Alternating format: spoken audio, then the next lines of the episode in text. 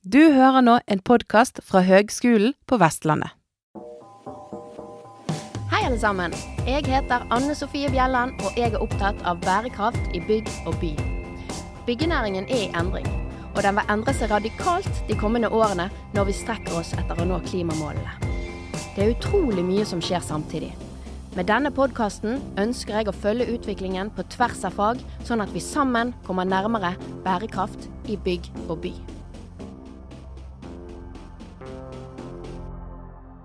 Klimagassutslipp, de må ned. Det er vi alle sammen eh, enige om.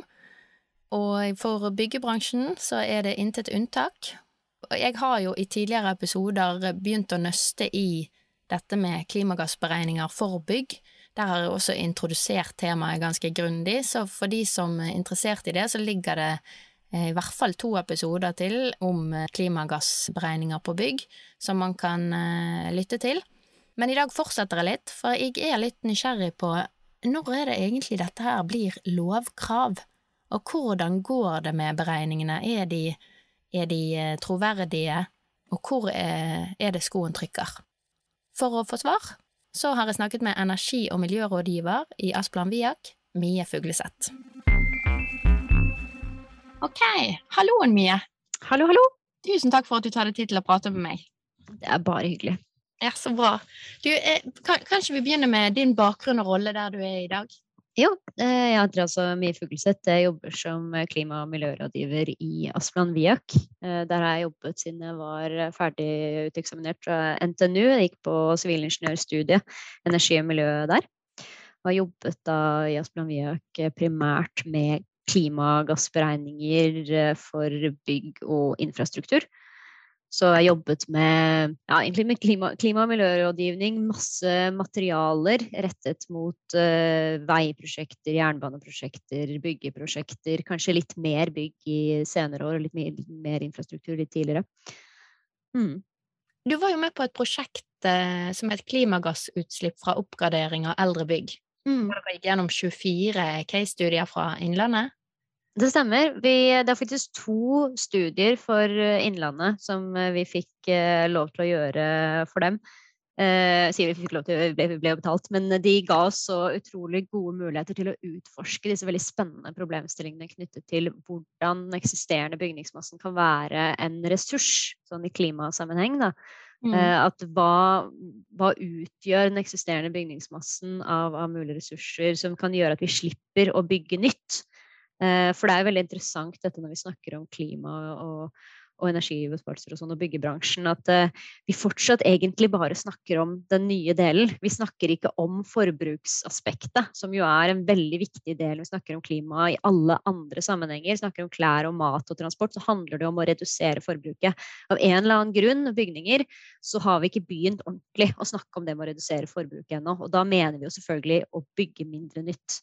Mm. Så det som, eh, som Innlandet fylkeskommune ønsket at vi skulle se på, var jo hva er potensialet for å spare klimagassutslipp knyttet til det å bygge nytt, ved at vi tar i bruk måtte, eh, det eksisterende byggene på en ny måte. At vi, at vi oppgraderer dem. At vi, eh, hva, hvor mye kan vi energioppgradere eldre bygg? Og her var det også en litt sånn spesiell rammebetingelse i form av at de byggene som vi så på, de hadde alle sammen eh, noen grad av vernehensyn. Så det var et viktig poeng at selv om vi skulle eh, foreslå tiltak for å, å energioppgradere disse bygningene, så var det jo grenser for omfattende de tiltakene kunne være. Så noe av premisset var jo hvordan kan skånsomme energioppgraderingstiltak være et klimatiltak. Da. Mm. Det, ja. ut, da? Ja, jo. Nei, det, som, det som var så interessant, var jo nettopp det at vi vi så at selv om, selv om de tiltakene som vi anbefalte da f.eks. i veldig liten grad omfattet uh, å skifte ut fasaden uh, for å gjøre utvendig, utvendig etterisolering, mm. så, så, så vi at det var ganske uh, gode muligheter for å få til relativt store energibesparelser i drift, selv med de veldig skånsomme, enkle tiltakene som tetting og eh, oppgradere vinduer med innvendige varerammer og sånne, sånne, enkle ting som egentlig ikke da endrer bygningsutseendet så mye, men som, som ga ganske stor energibesparelse i drift. Og dermed så, så vi da at for flertall av bygningene som var med i den analysen, altså flertall av de 24 bygningene, så kom oppgraderingsalternativet bedre ut enn å rive og bygge nytt i et klimaperspektiv. Det var jo bare klima vi så på her. Selv med de skånsomme tiltakene. Selvfølgelig så var det sånn at For de bygningene hvor det var mest omfattende tiltak, så var det størst da energibesparelse, og dermed også størst klimagevinst. Men det sier noen ting om at når, når de skånsomme, enkle tiltakene gir en netto klimagevinst sammenlignet med å rive og bygge nytt, så er jo potensialet da for den delen av bygningsmassen som er mye større, nemlig de som ikke har vernehensyn, er jo kjempestort. Mm. Så det var et veldig interessant funn. Ja, det er veldig interessant. Det er det med, jeg har hatt det godt med en liten sånn tanke i det siste på at liksom, det er egentlig et lite paradoks at vi har eller det er jo forståelig at vi har verneverdi pga. kulturminner, sånn, sant? Men vi mm. burde jo kanskje hatt en egen vernestatus for ressursene som står i alle de mm. byggene som ikke har kanskje kulturell verdi, da. Eller i hvert fall mm. ikke gjort det ennå. Eller vel, bør jo i hvert fall ha et litt sånn eh, kanskje krav til at vi, skal, at vi, skal, stoppe opp og tenke oss om før mm. vi river. Altså trenger vi faktisk å, å rive, rive, denne bygningen, eller kan vi utnytte den uh, i en ny kapasitet? Uh, kan vi energioppgradere? Og det, det er jo selvfølgelig det fins en god del eksempler på at det å rive og bygge nytt er mer uh, eller gir over livsløpet da, med lavere klimagassutslipp. Og det har jo med hvis man får plass til flere mennesker et sted hvor det er veldig vanskelig å kjøre bil, f.eks. At man mm. driver med fortetting så kan det jo være argumenter klimamessig også for å rive og bygge nytt. Men så er det jo også sånn som vi har sett så i den studien og tidligere studier også, at eh, da regner vi over livsløpet, og da kan det ta ganske lang tid før vi realiserer den klimagevinsten. Og det er jo et hovedpoeng når vi snakker om, om bygningsmassen, at eh, hvis vi må vente si 30-40-50 år før den klimagevinsten er realisert, og vi har under ti år på å halvere verdens klimagassutslipp, så går ikke det regnestykket opp. Mm. Så det er jo kanskje litt sånn at vi må prioritere tiltak som, som er litt mer sånn kortsiktig for å unngå de vippepunktene da, som vi potensielt ser i klimasystemet. Mm. Og så tenker jeg, selv om nå den, I det prosjektet der så presiserte du jo at dere hadde et klimafokus. Sant? Altså om det var mulig med, Eller om det var det, den bedre løsningen med tanke på klima. Mm. Um, så kan man argumentere for at kanskje man forringer eller ikke optimaliserer bruken og sånn. Men, men eh, sånn som ståa er nå, så kan det jo være at man kan argumentere for at nå eh, eh, nå er klimaet så prekært at man kanskje må vike litt, da, eller liksom tøye litt de veldig høye kravene til standard som vi har mm. definert, i hvert fall i Norge, da. Det, det, er absolutt det, og det også å å kunne få dispensasjoner eksempel, fra de veldig strenge kravene ved sånn omfattende oppgradering hvor, som innløser egentlig de samme kravene som å bygge nytt. Hvis mm. man kan vise til at ja, dette er et kjempegodt klimatiltak. Mm. Ja, det bør det jo virkelig være rom for. Mm. For det, det, meste av regelverket har jo blitt lagd med tanke på nybygg. Mm, absolutt. Ja. Men, men um, klimagassberegninger, Eh, mm. Hvordan står det til på det området for bygg, sånn som du ser det fra, fra ditt ståsted? Er det veldig mm. utbredt? Eh, gjøres det riktig og skikkelig? Altså det, det, ble, det, er en enorm forskjell fra da jeg begynte som, eh, som rådgiver for ni år siden og til nå. Så da, da, jeg begynte, så var det jo litt sånn at vi måtte, måtte tigge og be om kunne vi være så snill få lov til å komme inn og gjøre noen klimagassberegninger. Vi er helt sikre på at dere kan ha masse nytte av det. Mens nå så blir vi jo nedrent av etterspørsel. Det er ikke sjans at vi klarer å ta unna alle som ønsker å gjøre klimagassberegninger. Og det har jo med eh, oppmerksomhet rundt eh, klimaspørsmål selvfølgelig å gjøre, men ikke minst eh, strengere krav. Eh, og mer vekt på miljø- og klimasertifiseringer av bygninger som eh, driver i marked og sånn. Eh, men det gjør jo også at det har kommet mange flere til som gjør dette. Kompetansen generelt i markedet er jo enormt mye høyere. Og da ser jo ikke bare kompetansen på sånn som meg som sitter og gjør dette til dag-til-dag-basis, men også kompetansen til alle de andre som vi jobber med. Arkitekter f.eks., som nå plutselig kommer til meg og sier sånn Ja, nei, jeg har hørt om dette veldig klimavennlige nye materialet. Og jøss, har du det? Det har ikke jeg hørt om. Sånn, og entreprenører, eh, alle mulige folk som jobber med med bygg. Vi har en, og så har vi en eh, som jobber med bygnings- altså konstruksjonsteknikk, egentlig, som er, begynner å bli nesten like dreven på klimagassberegninger som det er selv. Mm. Eh, og det er, det er, veldig mye høyere ja, høyere kompetanse generelt. Og det gjør jo også at man stiller mye strengere krav til de beregningene som gjøres. Det gås mye nærmere etter i sømmene. Mm. Det er også til en viss grad begynt å bli litt mer sånn at det får juridiske konsekvenser. Så f.eks. hvis du leverer feil miljødokumentasjon, eller et prosjekt ikke når målene sine, eller man sier at man når målene, så var det egentlig feil i beregningene. Så det stiller mye strengere krav til oss som gjør det. Så selv om vi ikke prosjektere med ansvarsrett, som f.eks. de som gjør energiberegninger gjør, så begynner vi jo kanskje nesten å komme dit at det burde være sånn. Fordi vi burde stille krav til de fagpersonene som skal gjøre beregningene, som sikrer at eh, for det første at det er fagpersoner med rett kompetanse som gjør det, men også at de er etterrettelige å gjøres i henhold til de standardene og reglene som vi har. Mm. Men, men, det er blitt utrolig mye bedre. Ja, Men når du sier standarder og regler, da mener du NS 3720, eller? Ja, det er jo akkurat det jeg mener. Eh, for vi har jo fått, og det, det, er jo ikke så lenge siden, tross alt, vi fikk eh, norsk standard for klimagassberegninger for bygninger i sånne store, store og det hele. Eh, og det er jo fortsatt også det finnes en del frihet innenfor den standarden, men likevel så var det et kjempefremskritt for, mm. for bransjen at vi fikk den, det regelsettet egentlig som sa noe om hva som er relevant å ta med, og hvordan man skal regne på ulike ting for at det skal bli sammenlignbart. For det er jo det som har vært kanskje den største utfordringen til, til bransjen der, har vært dette med sammenlignbarhet. og at Uh, man føler at man sammenligner uh, epler og pærer når man tar med forskjellige ting. Har man tatt hvilket uh, livsløp har man, eller hvor langt livsløp man regnet med? Har man tatt med utskifting eller ikke? Har man tatt med transport av, av byggematerialene til byggeplassen eller ikke? Mm. Uh, og hva slags utskiftingsintervaller har man regnet på. Så det har jo vært en sånn, sånn veldig vanlig innvending at å ja, men det klimaspredning det er bare en lek med tall. Og jeg føler at vi heldigvis nå beveger oss i en retning hvor eh, den økte kompetansen gjør at, uh, at de innvendingene blir stadig, stadig lengre og lengre mellom man får det, og at respekten for de fagekspertene som gjør disse beregningene, også mye høyere. Å, det er, det er veldig gledelig å høre. Mm. Så bra. Men den kom altså i Denne standarden kom i 2018, tror jeg. Det tror jeg stemmer. Ja. Mm. Men, men, eh, i forhold til dette med grensesnitt, så mm. er det ganske mye diskutert. Altså hvor stopper og hvor begynner et bygg? Mm. Hvor ligger diskusjonen på det i bransjen nå, da? Det, det er jo en diskusjon nå eh, knyttet til dette med eh, teknisk forskrift og få inn krav til klimagassberegninger der, hvor vi diskuterer nettopp dette med hva kan man, hva kan man stille krav til når, det, når, man skal ta det inn i såpass liksom, omfattende regelverk som, som tech. Da, var, da, må det jo være ting vi er sikre på. Mm. Uh, og til nå så har det jo f.eks. For vært foreslått å ikke ta med transport av materialene til byggeplass. Men vi har tatt med utskifting av de komponentene som har kortere levetid enn det som vi sier er standard, som er 60 år. Men det vet vi jo egentlig veldig mye mindre om. Mm. Så det er det, den utfordringen med å sette krav til hva vi skal regne på, når vi egentlig ikke vet alt som skjer, i hvert fall i fremtiden. Og det har jo vært et argument for at vi f.eks. ikke har regnet med uh, riving og avfallshåndtering etter endt levetid. Fordi vi vet så fryktelig lite om hvordan avfallshåndteringen typisk vil være om 60 år. Skal, har mm. vi da karbonfangst? Hva betyr det for hvordan vi regner Eh, klimagassutslipp fra, fra trematerialer, f.eks. For, eksempel. for hvis vi sier at ok, om 60 år så har vi karbonfangst.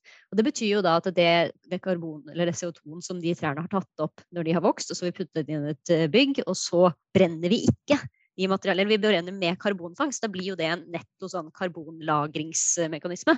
Mm. I stedet for at det går i null. Så det har jo veldig store konsekvenser for hvordan vi regner klimagassutslipp.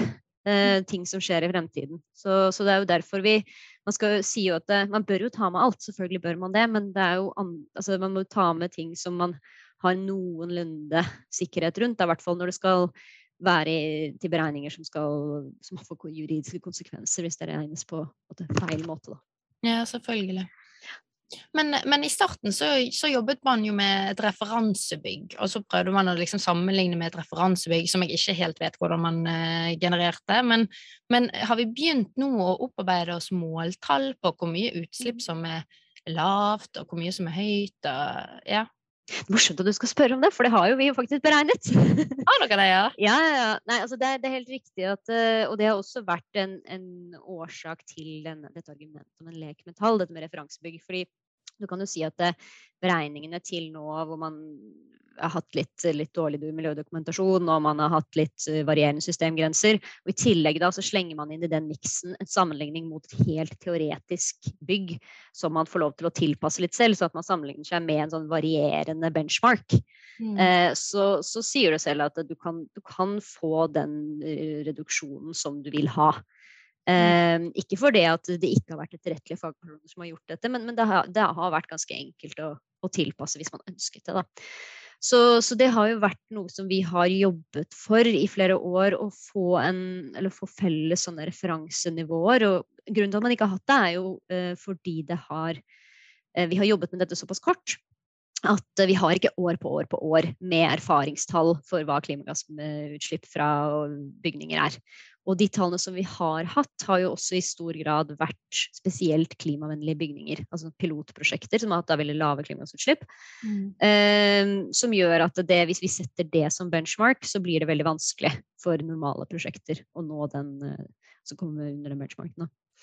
Eh, så det er blitt gjort da to større arbeid nå nylig. Ehm, et av eh, i forbindelse med, med SEND, Eh, gjort av Sintef, som har gjort en, en samlestudie hvor man samlet inn masse, masse data på klimagassbrenninger som er gjort, og gjort en liksom, statistisk analyse av det for å se ok, hva, hvor ligger eh, referanse, eller hvor ligger liksom, ja, referansenivået, hva er usikkerheten, og hva er spennende og sånn for ulike bygningskategorier.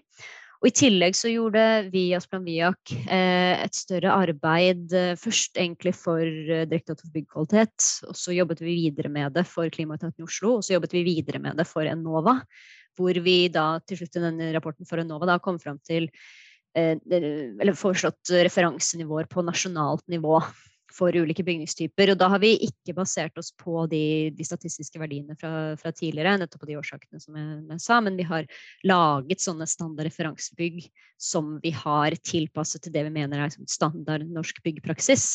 Mm. Um, og med liksom, nøkterne løsningsvalg. At det ikke skal være eller presentere liksom, de mest omfattende med, bygdene med masse krimskrams, men at det skal være liksom, relativt uh, nøktern benchmark. Da.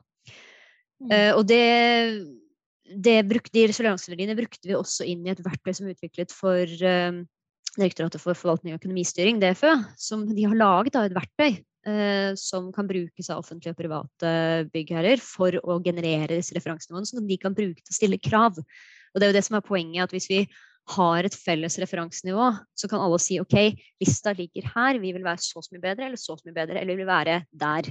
Men at vi i hvert fall opererer med de samme referansenivåene, tror vi mm. kan være veldig smart. Og det som også er fint, er at de samme referansenivåene er nå tatt inn i den siste versjonen av uh, Bream Nord-manualen. Så det er også utgangspunktet der. Så håpet er jo at uh, de referanseverdiene kan benyttes i hele bransjen, sånn at vi alle er enige om hvor, hva vi sammenligner oss med, da. Mm, det er jo kjempebra. Så blir det litt som å jobbe med energieffektivisering. Mm, ja, det, det, er jo egentlig liksom, eller, ja, det, er akkurat det samme vi har basert oss på. Det var det som var tanken hele tiden. Å bruke den prosessen man hadde med energikravene, energirammene.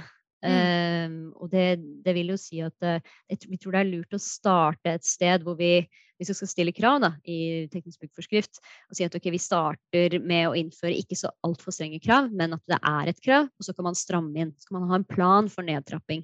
Og stramme inn og stramme inn for hver revisjon, sånn som man har gjort med energikravene. Mm. Det som for så vidt også var litt interessant, jeg nevnte den Sintef-studien, var jo at det vi har kommet frem til i vår referansenivå, som da er basert på sånne modellbygg, egentlig, og Sintef sin studie, var at det ligger ganske likt. Så det er ganske sånn, det er på en måte kvalitetssikret, da, om du vil, at det, det ligger der det skal ligge. Det er ikke helt borte i natta. Nei, det er jo det er veldig greit, ja. Men da er det snakk om altså CO2-utslipp i CO2-ekvivalenter per kvadratmeter bygg? Mm, det stemmer. Spennende. Men vi må inn på, du nevnte det så vidt her nå, teknisk forskrift. Mm. I dette høringsforslaget så var det jo eh, forslag eh, om at man også skulle ha i hvert fall en anledning til Det var vel ikke krav for alle som skal dokumentere etter uh, tech, men, men, det var et, en mulighet for å dokumentere klimagassutslipp. Uh, mm. uh, hva tenker du om det forslaget? Du kan gjerne si litt om det òg, hvordan mm. det var formulert, og hva som var med og ikke med, osv. Ja, altså vi og mange andre eh, får vel over 100 eh, høringsinnspill til det forslaget. Eh, og det de, det de, foreslo, var jo at man skal stille krav til å dokumentere utslipp. Men det var ikke noe krav til, uh, til rammenivå på samme måte som det er for energi, at du skal ligge under et visst nivå for å være i henhold til TEK. Mm. Um, og med tanke på at det første gang vi skrev en utredning for DBK om dette temaet, var vel i 2016 eller 2017 hvor vi anbefalte egentlig en sånn, sånn, modell. Nå er vi i 2022, og vi har det fortsatt ikke. Det, jeg tror Hvis de hadde kommet med dette høringsforslaget for en del år siden, så kunne nok folk vært tilbøyelige til å tenke at det var en god idé. Men nå er det litt seint. Vi har for dårlig tid til å kutte utslipp fra de, de nye bygningene som kommer. Så nå er det på tide å stille krav. Det kom mange utspill i media også hvor bransjen selv ønsker at det skal komme krav i nasjonal regulering til, eh, til klimagassutslipp fra, fra, bygninger. Og det var også det var mye diskusjon også knyttet til systemgrenser og hva som skulle være med og ikke være med. Eh, mm. Det er fortsatt en stor diskusjon skal grunn og fundamenter være med. Fordi det mm. er, eh, det er veldig mye variasjon i behov for fundamentering i forskjellige deler av Norge. Mm. Uh, og det, jeg skal ikke gå inn på liksom, hele den diskusjonen der, men, men, essensen i det som ble etterspurt, var vel det å faktisk sette sette et rammekrav til klimagassutslipp. Maksimale klimagassutslipp fra bygg i nye bygg i Norge. Mm. Eh, kanskje også over en viss størrelse. Man kan jo ha, se for seg at det ikke, det ikke skal skape urimelig dokumentasjonsbyrde for veldig, veldig små bygg. Mm. Mm. Eh, selvfølgelig. Men, men det å, å, få på plass et krav som vi ser at uh, de andre landene i Skandinavia uh, jobber med å få på plass, Eh, det tror jeg er eh, veldig, veldig viktig. Eh, også for å altså hvis man, man kan innføre dokumentasjonskrav, og det bør man ha uansett. Det, men hvis man bare innfører dokumentasjonskrav, så er det jo ingen insentiver til å redusere klimagassutslippene. Da får man jo bare ekstra behov eller ekstra krav til dokumentasjon og ikke noe mer. Mm. Så det vi anbefalte i de høringsinnspillene som vi kom med, var jo at man, man bør ha et, et maksimalkrav til klimagassutslipp som har et overkommelig omfang. Altså at vi regner på de tingene vi er rimelig sikre på, som det fins gode data på. Og så bør, eh, bør, dokumentasjonskravet være litt bredere, sånn at vi kan samle inn mer tall som grunnlag for å utvide det omfanget senere. Sånn at hvis vi ikke tar med grunn og fundamenter nå, f.eks., så kan vi stille krav til at grunn og fundamenter skal tas med i beregninger som, som, dokumentasjon, men ikke at man skal måle seg mot et krav, inkludere grunn og fundamenter. For da vil man jo få mye bedre tall på grunn og, grunn og fundamenter etter hvert, som mm. gjør at vi kan stille krav som omfatter det. da. For vi vet jo at det er for noen bygninger som bygges på dårlige grunnforhold, så vil jo veldig mye av CO2 som genereres fra materialene, ligge under bakken.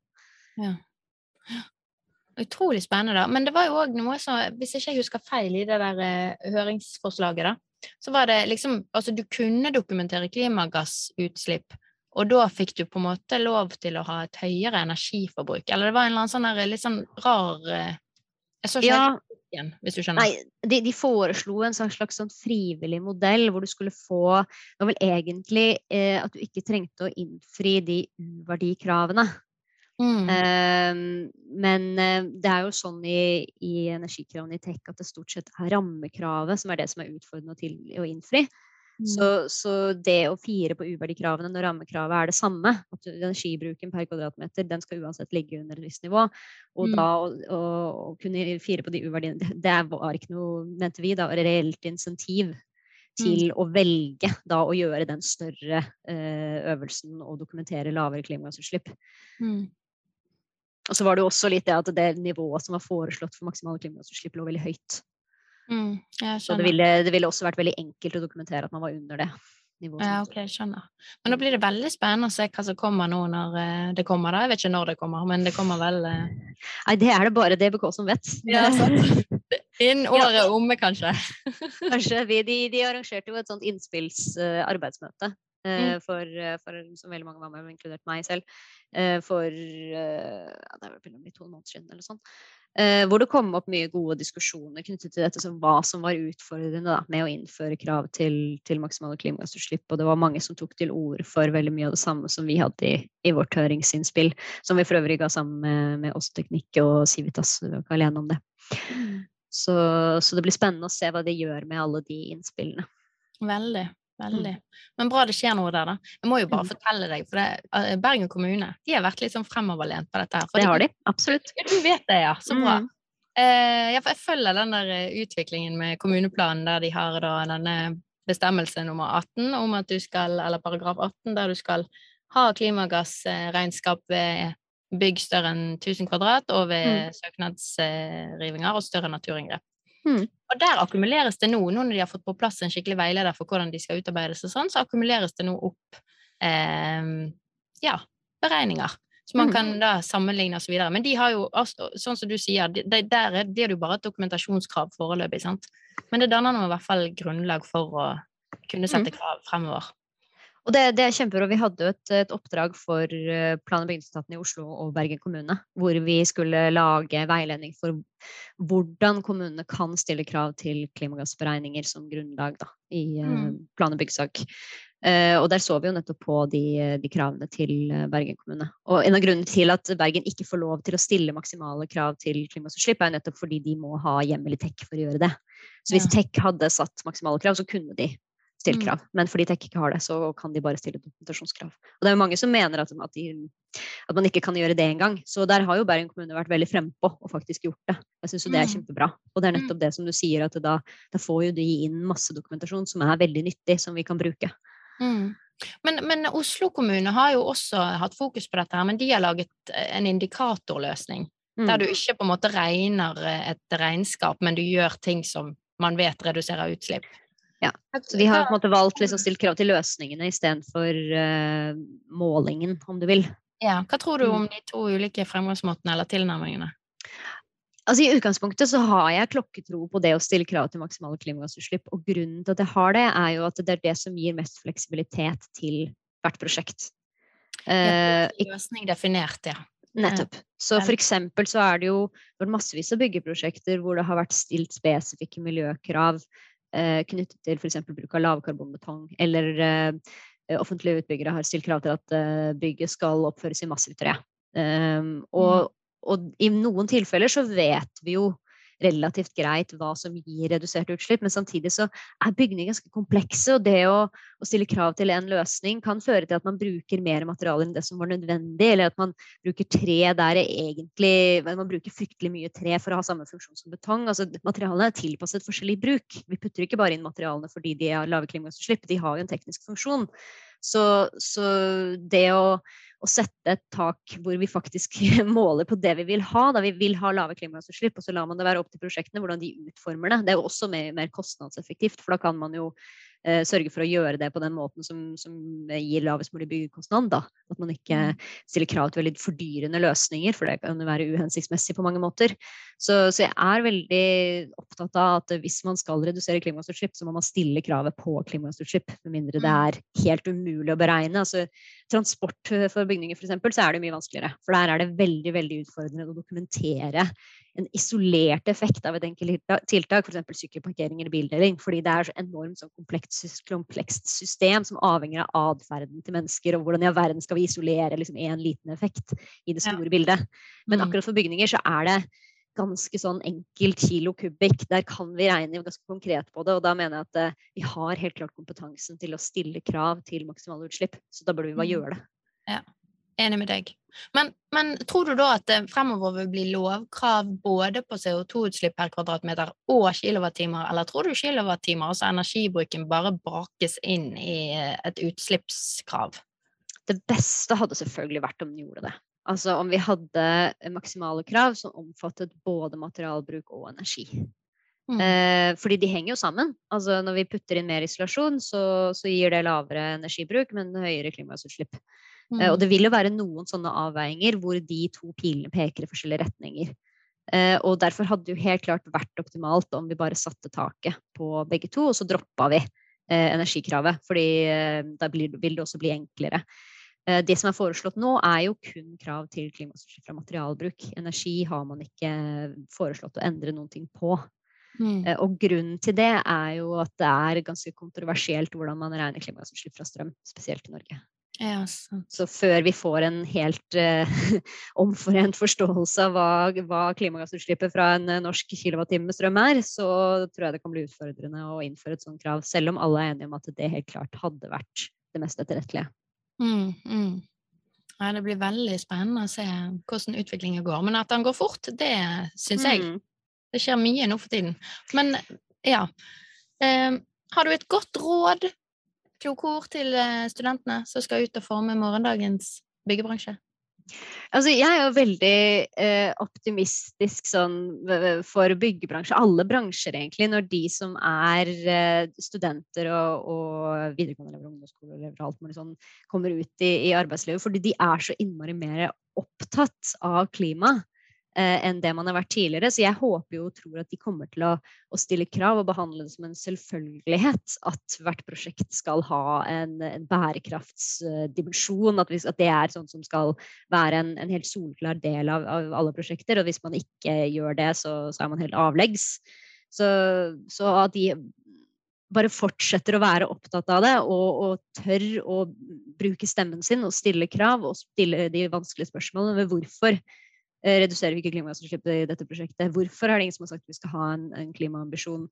Fordi igjen så er det en stor forskjell fra, fra da jeg begynte å jobbe til, til nå. Det der med um, å be om at man skal ha noen miljømål i prosjektet og få gjennom liksom, det aller minste felles multiplum, til nå at uh, det er en selvfølgelighet i veldig mange, spesielt de store prosjektene. Mm. Uh, og det er jo en holdningsendring, først og fremst. Og jo flere man får inn i bransjen som har den holdningen at bærekraft er en selvfølgelighet, jo raskere vil jo bransjen endre seg. Mm. Veldig bra. Tusen takk for praten, Mie. Bare hyggelig. Takk for at jeg fikk være med. Ha det godt. Ha det. Jeg er skikkelig glad og positiv av å snakke med Mie. En skikkelig eh, god kraft i bransjen som driver eh, utvikling i riktig retning. Eh, veldig kjekt. Og også veldig eh, optimistisk med tanke på disse her reglene som kommer. Og veldig artig altså, så merke seg liksom eh, hvordan kommunene gjerne har vært mer på hugget her enn det eh, Direktoratet for byggkvalitet har, har, vært, og staten, på en måte. Bransjen har kanskje vært den ytterste pådriveren, og så har kommunene fulgt på, men så må de vente litt fordi staten ikke beveger seg fort nok. Og det er jo bare et, eh, en interessant ting å merke seg med tanke på ja, hvordan snu store tankskip. Her er det jo flere tankskip involvert, men at alle jobber med å prøve å snu seg, det er jo veldig gledelig å høre. Og at vi eh, samarbeider for å få det til. Så eh, jeg gleder meg bare til fortsettelsen. Ha det godt!